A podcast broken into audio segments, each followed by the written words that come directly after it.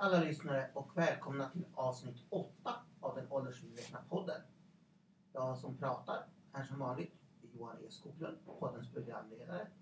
Och med mig har jag som alltid våra två experter på och myntare av begreppet åldersmedvetet ledarskap. Det är nämligen Barbro Skoglund. och Kaj Skoglund.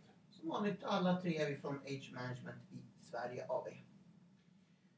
Och idag skulle vi prata om eh, politikens eh, roll vad gäller ett, ja, vad gäller både åldersfritt ledarskap och ett förlängt arbetsliv. Och, eh, är det en fråga för parterna eller har politiker, kan politikerna göra något? Är den fråga vi ställer oss. Och eh, eh, jag valde att göra en sökning. Jag valde att gå in på riksdagen.se som är Sveriges riksdags officiella hemsida. Och gjorde där en sökning helt enkelt på ordet äldre. Och då får man upp närmare 40 000 träffar. Och eh, den första träffen man får upp är just en statsoffentlig utredning från 2012 som heter Längre liv, längre arbetsliv.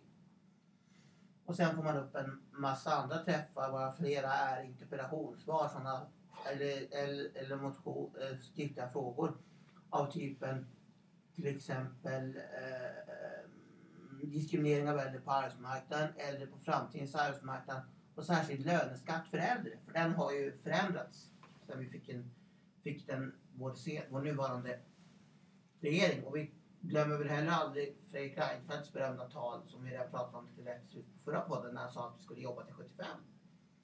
Så frågan vi, jag i alla fall ställer mig till både Barbro och Kai är helt enkelt vad kan politiken påverka det här? Eller är det så att det handlar snarare om ett nyttoperspektiv för, från arbetsgivarnas sida? När man behöver en arbetskraft så skaffar man den oavsett ålder. Eh, väldigt, väldigt intressant frågeställning Johan. Eh, som, som du lyfter fram. Lite historik. Vi har ju som sagt var ägnat oss, oss åt att eh, implementera egentligen det åldersmedvetna ledarskapet sen ja, våren 2001 kan man säga. Det var, det var då egentligen det började. Eh, och vi, vi var väldigt angelägna om att eh, vad ska vi säga, hitta och se de styrmekanismer som kunde påverka det här. Fackliga organisationer, politiska beslut, uttalanden från politiska ledare. Vad, vad, vad fanns det så att säga för, för pull and push system som, som kunde påverka? Eftersom vi var så övertygade om att det här behövdes. Vi visste redan då eh, alltså långtidsutredningar och så vidare, arbetsmarknadsprognoser, statistik, demografiska eh, framtidstankar så att säga. Att någon gång 2015, 2014, 2015, 2016 så skulle det bli arbetskraftsbrist. Och inte en människa som överhuvudtaget trodde. De klappade oss på axeln som du sa för någon Mm. gång när vi började.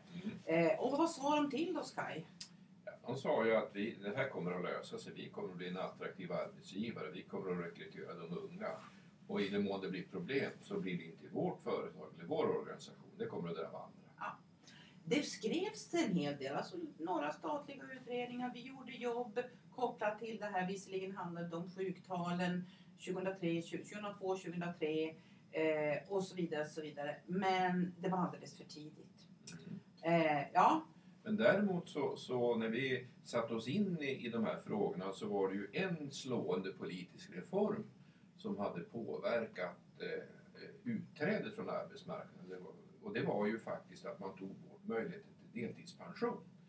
Eh, därför att eh, det var eh, någonting som hade utnyttjats eh, och regionalt väldigt olika. I praktiken var det ett sätt för, för eh, samhället att låta arbetsgivare göra sig av med personal på ett mindre kostsamt sätt för att man tyckte att de inte längre var produktiva. Så det är ett exempel i och för sig på ett politiskt beslut som påverkar hur arbetslivet fungerar.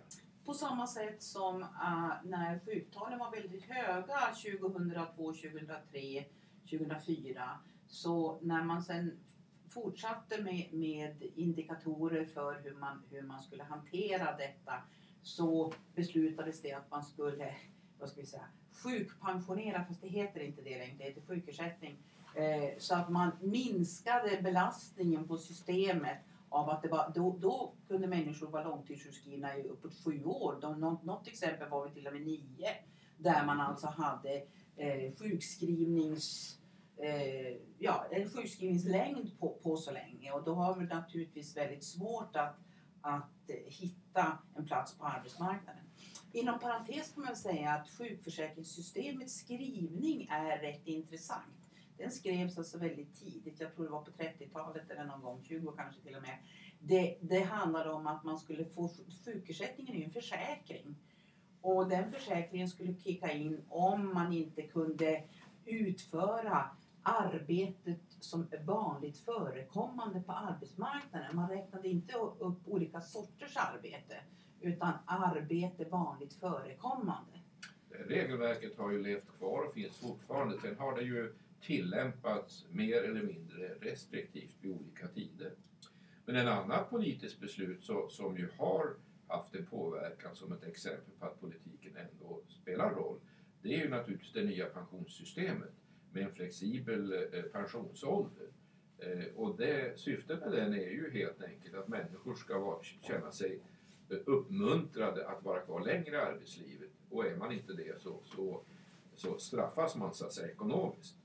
Samtidigt så, så finns det ju också kompletterande försäkringar så, som man tecknar via fackliga organisationer och det är ett intressant exempel på hur just när det gäller till exempel sjukförsäkringen hur, hur politiska beslut kan bli ett slag i luften för det finns system som motverkar det man har sitt syfte, det som är syftet egentligen. Och det tycker jag illustrerar att det här med att ratta arbetsmarknaden och ratta det här med äldre arbetslivet, det är inte särskilt enkelt och okomplicerat.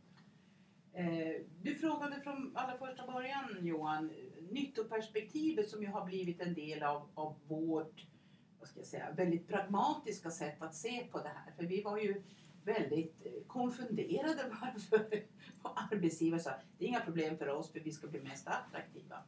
Det vi kan konstatera är ju att den tes vi hade då och de, de organisationer, de företag som vi har jobbat med där det visat sig vara framgång det är faktiskt när nyttoperspektivet har slagit, av olika anledningar. Nyttoperspektivet kan vara både det ena och det andra. Det som är intressant att se nu, vi ser ju i media en hel del att man intervjuar folk som av olika anledningar får, får möjlighet att eh, jobba längre. Trygghetsrådet ser att det är lättare att för 50-plussare att, att eh, kliva ut i, i ett nytt jobb igen och så vidare.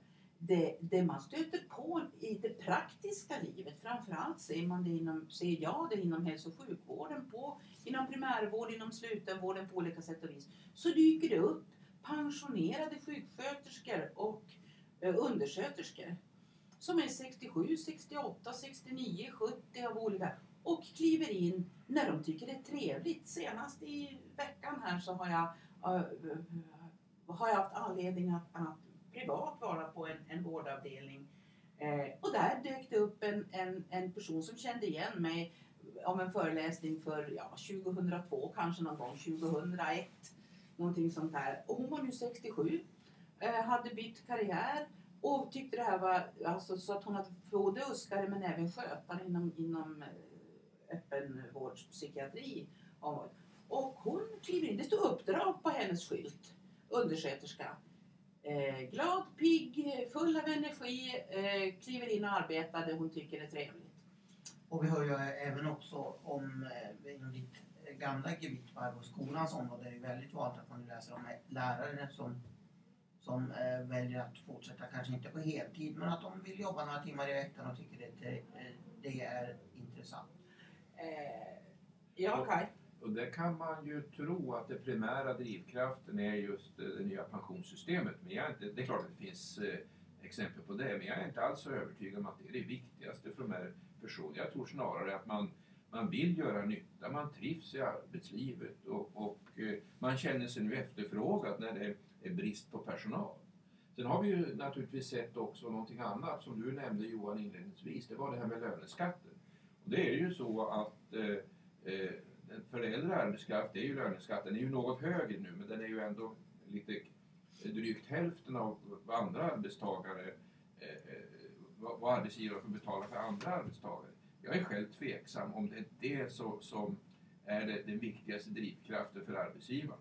Eh, Jag tror att det, det är snarare bristen på arbetskraft och det här nyttoperspektivet. Alltså, sen är det ju så att de äldre som nu efterfrågas på arbetsmarknaden, de är ju väl medvetna om att de, eh, de har en lägre social kostnad för arbetsgivaren och då vill man istället förhandla upp sin lön. Så jag är inte så säker på att det där ens är så särskilt lönsamt för arbetsgivaren. Jag tror inte riktigt att det där är ett så starkt incitament som det ibland görs gällande. Det finns ju så att säga två, eh, två övriga parametrar som man brukar säga som, som, som inte ställer till men som komplicerar situationen. Nummer ett, alla som kommer upp i pensionsålder, alltså den flexibla mellan 61 till 67, har varken möjlighet eller kapacitet att fortsätta arbeta. Av olika anledningar. Eh, och det är dessutom så, och det är den, kanske den största utmaningen, att den här kronologiska åldern är, förutom att alla av, av, av man kan ha drabbats av sjukdom eller någonting annat, men alltså det är dessutom så att alla vill inte och arbetsgivaren är inte intresserad av att du ska få, du frågade om ska vi alla jobba till 75, hur ska man, ska man höja pensionsåldern ytterligare? Det är ju en diskussion som pågår till och från.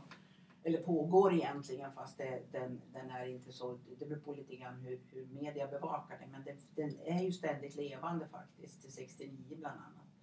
Eh, och då vissa arbetsgivarorganisationer är oerhört kritiska till det här att det ska vara en skyldighet att behålla arbetskraft till 69 års ålder. Vilket är helt förståeligt eftersom ju äldre gruppen blir, inte på individnivå, desto mer olika, jag har sagt det förr och jag säger det igen, blir arbetsförmågan. Eh, därför att självklart vill man som arbetsgivare ha den arbetskraft som man trivs med och som man känner kan alltså utföra det arbete som man förväntar sig. Ja, Johan oj förlåt om jag avbröt dig där Kaj.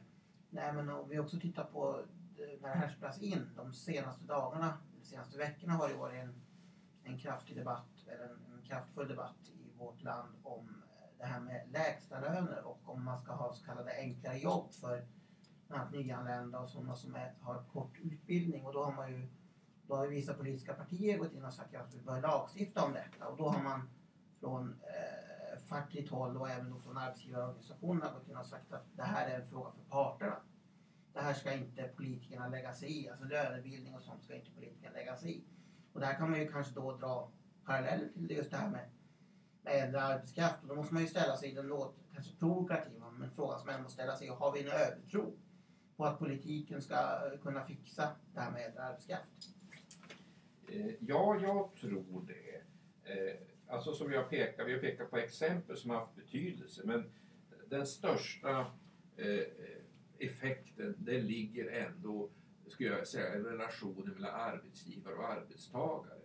Eh, Och framförallt, och då är vi tillbaka i det här med åldersmedvetet ledarskap. Arbetsgivare som får kunskap om eh, hur äldre fungerar i arbetslivet, vad som påverkar oss, vad som gör oss bättre och inom vilka områden som vi kan få större problem på grund av naturliga åldersförändringar.